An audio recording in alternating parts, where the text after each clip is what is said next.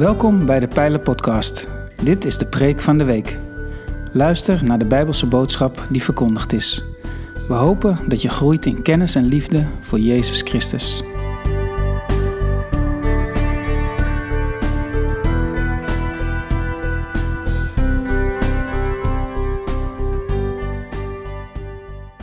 Een hele goede morgen allemaal. Ik ben blij dat ik hier mag spreken vandaag. En ik mag het over een mooi thema hebben. Ik mag het over de schepping hebben. Recht doen aan de schepping. Ehm, en ik vind het een fantastisch thema. Ik, vind, ik word af en toe ook helemaal gek van. Ik weet niet hoe dat met u zit. Maar de schepping is fantastisch. Ehm, er is tegenwoordig gelukkig heel veel aandacht voor. Maar af en toe word je, word je nou, zo moe van de discussie erover. Ehm, dus voor ik begin, voor ik begin met de preek, wil ik graag even bidden. Bidden voor wijsheid. Dat waar we het over gaan hebben vandaag, dat dat ook echt goed is. Dus, eh, wilt u met me meebidden? Ja, vader, we willen u uh, danken dat we vandaag aanwezig kunnen zijn in uw huis. Heer, dat we mogen nadenken over, uh, ja, over uw woorden. Heer, we willen u ja, vragen of we na mogen denken, niet over wat we zelf bedenken, Heer, maar dat we ontvankelijk mogen zijn over ja, dat we mogen ontvangen wat u aan ons wil vertellen vandaag. Heer, dat daar geen eh, menselijke ruis tussen zit. Heer, maar dat we ja, mogen luisteren naar uw stem. Heer, en dat we ook de moed hebben om uh, ja, te doen wat u uh, ons vertelt. Wat u tegen ons zegt. Vader, wees ons nabij. Wilt u ons zo genadig zijn. Dat vragen we u zo om Jezus wil alleen. Amen. Ja, ik gaf al even aan af en toe kun je wat gek voor de, worden van de discussie. En in de voorbereiding naar deze preek uh, reed ik onderweg naar mijn werk. Um, ik werk in Zeewolde, onder andere. Um, en ik had de radio aan. Ik luister vaak Radio 1. Een praatprogramma, uh, niet altijd verstandig. Um, want ja, Nederlander als ik ben, vind ik overal wat van. En je kan niet terugpraten tegen de radio. Dus soms kom je gefrustreerd aan op, op werk. Een aantal weken terug was er een item over uh, Earth Today. Ik weet niet of u het gevolgd hebt. Um, er was uh, een, een, groep ondernemers in Nederland. Um, die wilden een platform opzetten waarbij mensen um, voor kleine beetjes geld een stukje aarde konden kopen. Een aantal vierkante meters. En dat kon door voor 1,20 euro een vierkante meter te kopen. Um, en een euro daarvan ging rechtstreeks naar de natuur. Nou, een, deel ging nog naar de belasting en een deel ging naar eh, de organisatie zelf, naar de ondernemers zelf. En um, om voor veel aandacht te zorgen waren er een aantal bekende Nederlanders bij betrokken. Onder andere Jan Terlouw, um, nou, Albert Heijn als, als bedrijf werd erbij betrokken. Uh, en nu heeft het tijdschrift Quote heeft daar onderzoek naar gedaan en daardoor kwam het in het nieuws. Zijn een jaar lang bezig geweest met dit bedrijf onderzoeken. Um, en bleek dat, um, hoewel er een heel groot gedeelte van de natuur werd beschermd, er een ontzettend verdienmodel zat uh, um, aan dit hele verhaal voor de ondernemers. en dat werd niet van tevoren verteld. Er werd juist gezegd: nee, uh, uh, dit is puur voor de natuur, we doen goed, dit is een, een, goed doel. Maar ondertussen zat er, onder alle ruis, zat er gewoon een BV en, en er was van alles mee aan de hand. En ik weet niet hoe u daarin zit, maar ik kan daar zo cynisch van worden dan. Dan denk ik, zie je wel, het is alleen maar verdienmodel, alles wat we te horen krijgen. Ja, wat klopt er nou wel en wat klopt er nou niet? Um, en dan krijg ik de neiging om maar weg te blijven bij de hele discussie. Dan denk ik, nou, ik ga gewoon kijken wat ik, wat ik, wat ik zelf goed doe. Ik ga me er niet mee bemoeien. Uh, laat het maar gaan, gaat vanzelf over. En dat is niet handig. Maar in de voorbereiding naar deze preek kwam ik er gelukkig achter dat helemaal niet zoveel uitmaakt wat ik er nou van vind. Het gaat erom wat God ervan vindt.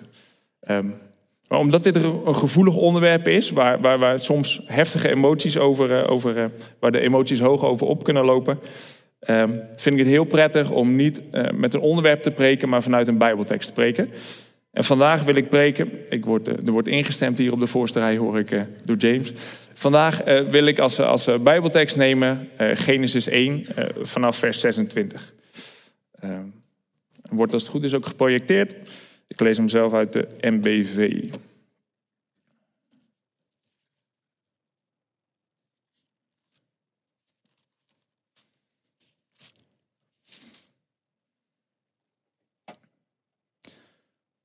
God zei, laten wij mensen maken die ons evenbeeld zijn.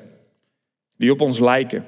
Ze moeten heerschappij voeren over de vissen van de zee en de vogels van de hemel, over het vee, over de hele aarde en over alles wat erop rondkruipt.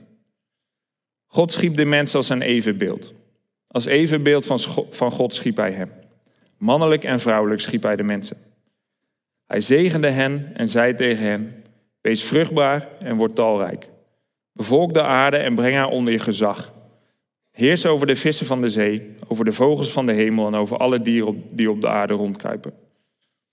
Ook zei God: Hierbij geef ik jullie alle zaaddragende planten en alle vruchtbomen op aarde. Dat zal jullie voedsel zijn. Aan de dieren die in het wild leven, aan de vogels van de hemel en aan de levende wezens die op de aarde rondkruipen, geef ik de groene planten tot voedsel. En zo gebeurde het.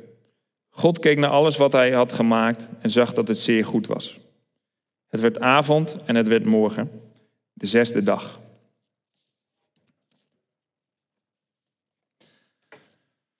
Wat mij opviel in deze tekst was het gebruik van het woord heersen. En het woord heersen, uh, daar zijn wij niet zo gek op. Heersen veronderstelt iets van, ik ben de baas. Uh, ik heers, het is van mij, ik bepaal hoe het gaat en er wordt naar mij geluisterd. Ik mag alles gebruiken en iedereen moet doen wat ik zeg, want ik ben de baas. Maar dat is niet wat de Heer bedoelt met heersen in deze verse. Met heersen, met onderheerschappij um, brengen. Um, in uh, vers 26 staat dat God ons heeft geschapen naar zijn evenbeeld. Naar ons evenbeeld, of naar zijn evenbeeld schiep hij de man en schiep hij de vrouw. En dat zegt iets over hoe wij ons mogen gedragen. Als we kijken naar wat God verstaat onder heersen, dan is dat niet een ik ben de baas. Uh, het gaat nu zo gebeuren, jullie doen wat ik zeg en uh, zo niet dan hop, hop, hop. God is juist. Nou, het, het, feit dat God Jezus naar de aarde zond om, om, om de wereld te redden, toont aan wat voor heerser God is. Toont aan op welke manier hij heerst. Ook als het hem veel kost, ook als hij alles moet geven wat hij heeft, dan redt hij nog de wereld. Dan zet hij zich in voor, voor, voor de aarde. En dat is het soort heersen waar het hier over gaat. Niet het, ik ben de baas en ik gebruik alles en als het op is, pech had. Um, uh, wij heersen zoals God heerst. In het volgende hoofdstuk van Genesis komt er nog een verduidelijking op dit vers. In Genesis 2, vers 15 staat: God de Heer bracht de mens dus in de tuin van Eden om die te bewerken en erover te waken. Tweeledig, bewerken en erover te waken. En dat is onderdeel van dat heersen waar het over gaat. We mogen de aarde, hier, hier spreekt God specifiek over Eden, maar dat mogen we breder trekken, denk ik. Uh, God geeft hier een blauwdruk over hoe we met de aarde om kunnen gaan. Um, dan mogen we doen door de aarde te bewerken. Dus inderdaad gebruik te maken van wat er op de aarde is. De aarde te ontwikkelen. Um, uh, bijvoorbeeld een tuin bijhouden is bewerken. En tegelijkertijd mogen bewaken. God heeft de mens niet in de Hof van Eden geplaatst om de Hof van Eden uit te buiten, um, maar juist om erover te waken. Om uh, God um, te representeren, represent, ja, ik zeg het goed geloof ik, uh, op deze wereld. Um, en de mensen mogen in de Hof van Eden van, eh, van, van alle bomen eten, behalve van de ene boom, en gebruik maken van wat er is en leven in de tuin. Maar de mens krijgt daar wel een opdracht bij mee. Bewerk de tuin en bewaak die. Maak deze netjes, ordelijk, uh, maar tegelijkertijd zorg er wel voor. Zorg voor de tuin. Deze taak komt met een verantwoordelijkheid. God um, zegt niet, nou, uh, zie maar wat je doet, uh, veel plezier ermee. hij geeft een opdracht mee. En over het algemeen is het zo, als God een opdracht meegeeft, dan leggen we daar ook verantwoording voor af. Dan zijn we verantwoordelijk voor de taak die we van God hebben gekregen, van de gaven die we van God hebben gekregen. En dan leggen we rekenschap af over datgene wat we krijgen. En ik schreef het woord rekenschap op. En toen dacht ik, dat, ja, dat klinkt misschien beladen. Um, en dan gebruik ik graag een, een, een, voorbeeld om het even te verduidelijken. Uh, vorige week sprak ik na de dienst met Jared. Ik weet niet of Jared er toevallig zit. Uh, maar ik gebruik het, het, het voorbeeldje dus. Um, En ik moest in één keer denken aan hoe het gaat als je een vakantiehuisje huurt.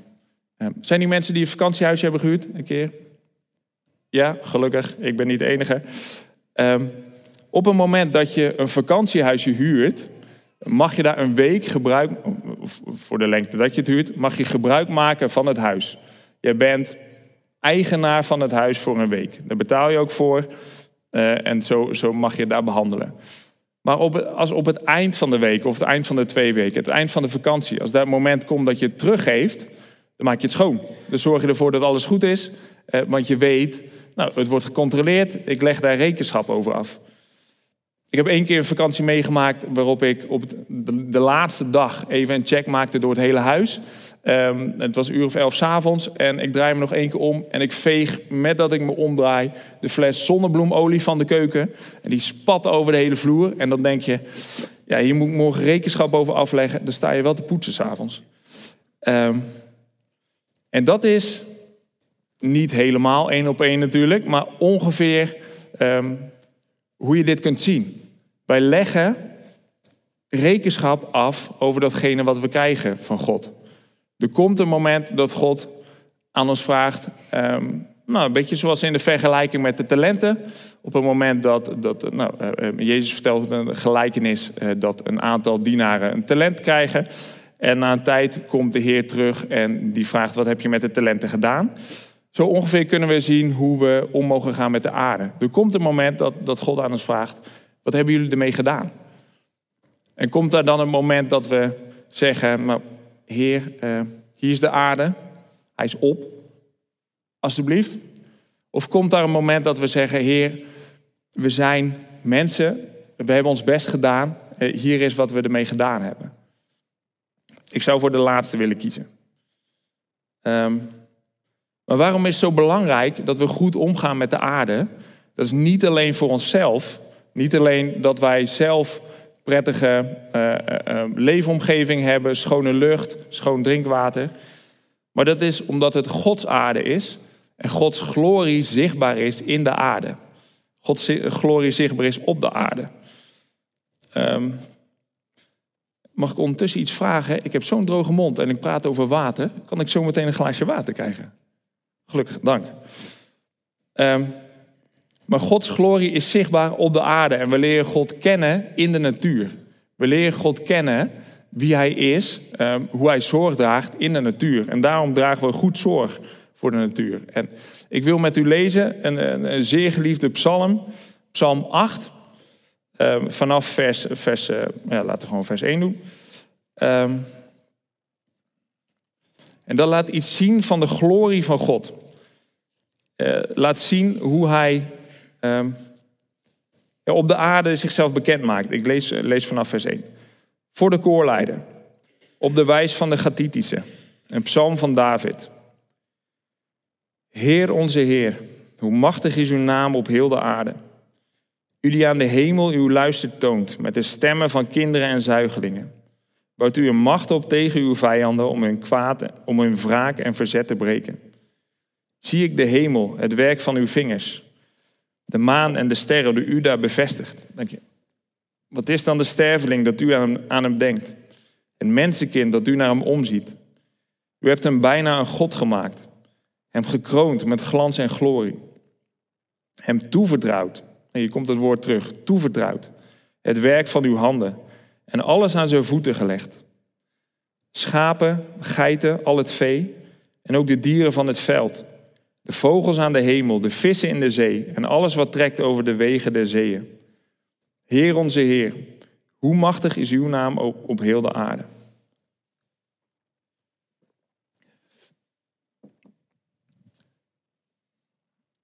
Ja, het is een psalm van David. En als je de psalm leest, dan proef je iets van wat David op dat moment, moment aan het doen is. Hij ziet de hemel en hij ziet hoe groot die is.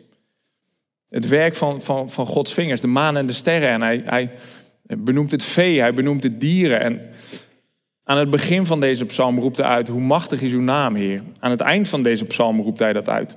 Heer, hoe machtig is uw naam. En dat roept hij uit naar het zien van Gods schepping. Hij ziet wat God heeft gedaan. En dat is datgene wat God in de schepping legt. En ik denk dat we dat herkennen. Uh, Davids uitroep herkennen.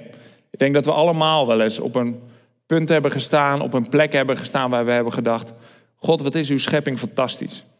Het is mooi en wat kunnen we daarin uh, leren van u? Wat kunnen we daarin zien?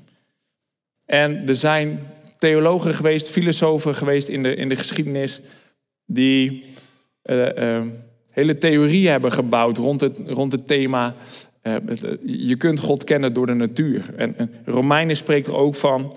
Um, Romeinen 1, vers 19 en 20 spreekt ervan: we kunnen God kennen in de natuur, omdat Hij zichzelf in de natuur heeft gelegd.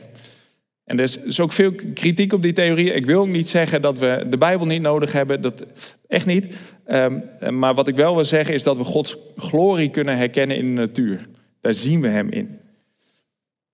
En hoe gaan we daarmee om? Als wij nadenken over, nou, niet langer de natuur zien als grondstoffen, als, als datgene wat wij kunnen gebruiken, maar als wij daarin zien wie God is. Als wij zien dat God zichzelf in de natuur heeft gelegd. Hoe gaan we daar dan mee om? En ik wil vanmorgen niet um, zeggen, koop een elektrische auto, uh, zoveel mogelijk. Op een gegeven moment kan de natuur ook een soort evangelie worden. En daar moeten we uitblijven. Wij hoeven, uh, het is niet ons ultieme doel om de aarde te redden. God gaat over de aarde, God gaat over redding. Hij is daarmee bezig. Hij heeft ook beloofd, hij maakt de aarde nieuw. Hij maakt een nieuwe hemel en aarde. Dat is zijn God. Wij zijn niet de redding van de wereld. Maar waar we wel mee bezig moeten zijn, en dat is een andere invalshoek, is of we doen wat God van ons vraagt. We hoeven niet um, ja, uit alle macht alleen maar bezig te zijn met de natuur. Iedereen af te rekenen op de CO2-uitstoot die een persoon, uh, um, nou, op de CO2 die een persoon uitstoot.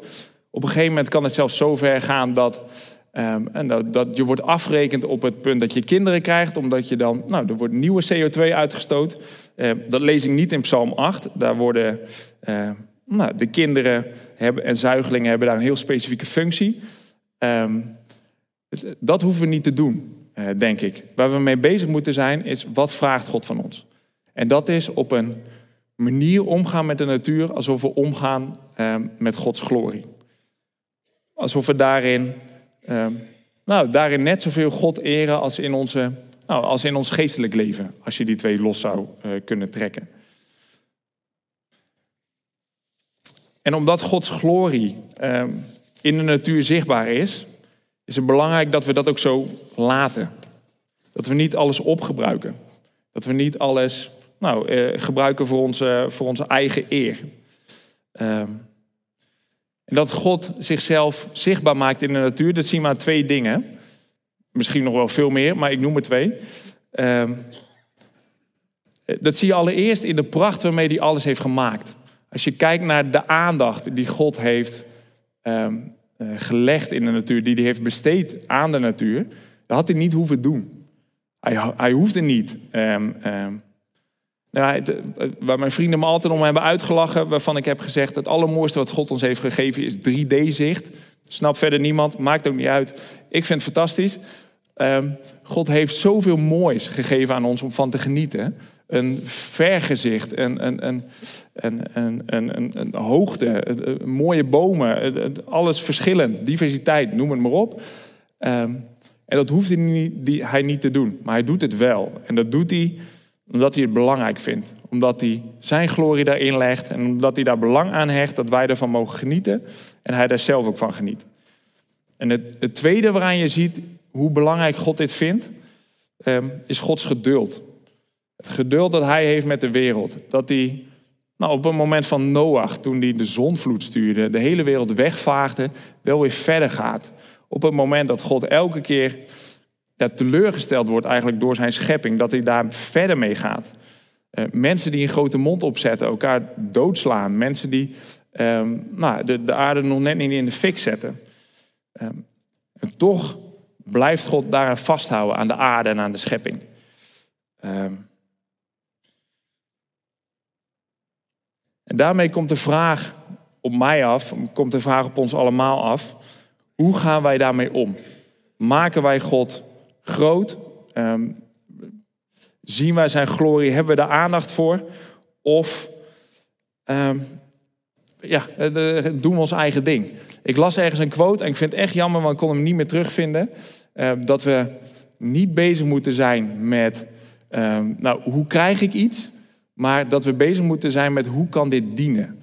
En dat is, voor mij was het echt weer een andere invalshoek. Dat ik niet, ehm, nou, er komt ook bij dat je niet schuldig hoeft te voelen om iets wat je gebruikt, omdat je ziet, het dient een doel. Het is niet zo dat je dat de Bijbel zegt, je moet naar een, naar een 0,0% ecologische voetafdruk. Eh, eh, dat staat er niet. Wat er wel staat is, je legt verantwoording af over datgene wat je doet. Je legt ook verantwoording af over datgene wat je met de schepping doet. Dient het een doel? Dient het jouw doel? Dient het jouzelf? Um, is het om meerdere eer en glorie van jezelf? Of dient het een doel voor God? Of dient het een doel voor andere mensen? Daar ligt de, nou, het verschil. En daarin ligt dus niet het veroordelende van uh, jij eet vlees, dus, dus je bent slecht. Uh, er zit een bepaald doel in. Het dient het een bepaald doel. En daar mogen we mee bezig zijn. Uh, we hebben geen vrijbrief om alles maar te doen wat we willen. Om alles maar te gebruiken wat we, wat we, wat we doen. Uh, wat we willen hebben. Maar wat dient het doel? En hoe ziet dat er nou praktisch uit? Um, nou, dat zoek ik even voor u op. Um,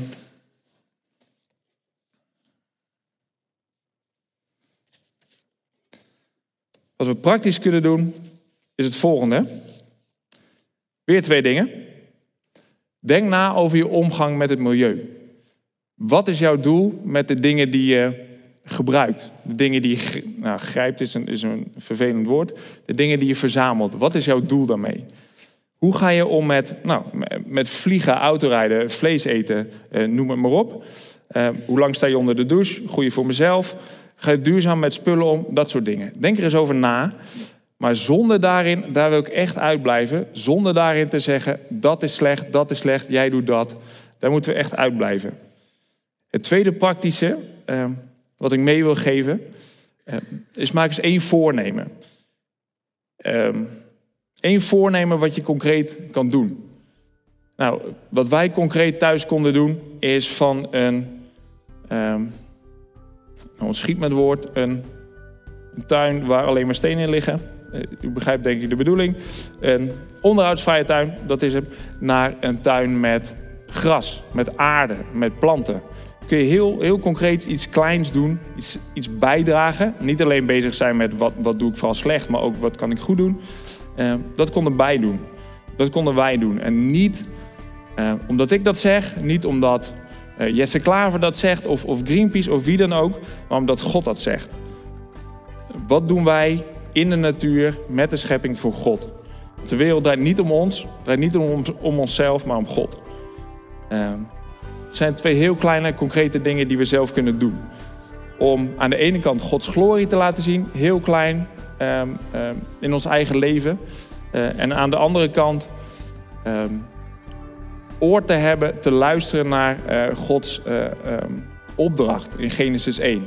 Heel duidelijk te luisteren naar wat hij zegt. Bewerk en bewaak. Doe ze beide. Amen.